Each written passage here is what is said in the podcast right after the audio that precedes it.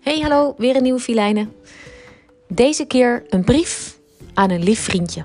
Of eigenlijk moet ik zeggen een vriendinnetje. Want dat is wat je liever wilt zijn. Dag lief vriendje. Of moet ik zeggen dag lief vriendinnetje. Want dat is wat jij bent. Een lief vriendinnetje. Alleen ben je geboren in het lichaam van een jongetje. Maar dat jouw lichaam lijkt op dat van de jongetjes in jouw klas, dat is toch helemaal niet belangrijk, vind jij? Jij wil gewoon lekker rokjes aan en mooie speltjes in je haar en lekker met je vriendinnen spelen. Meestal modeshowtje, maar soms ook gewoon voetballen. Je wil gewoon lekker in de meisjeskleedkamer.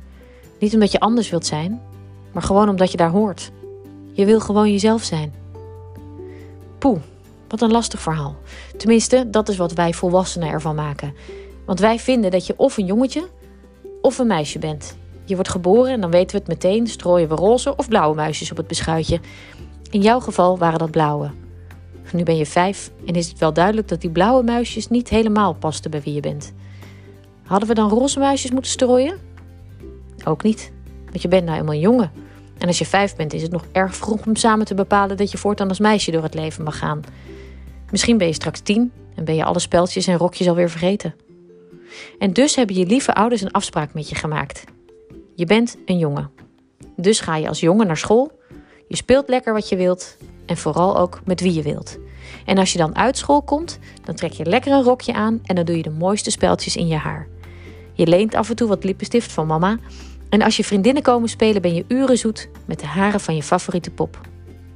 Op school doet niemand moeilijk. De meeste kinderen weten zelfs niet eens dat jij je anders voelt dan hoe je bent geboren.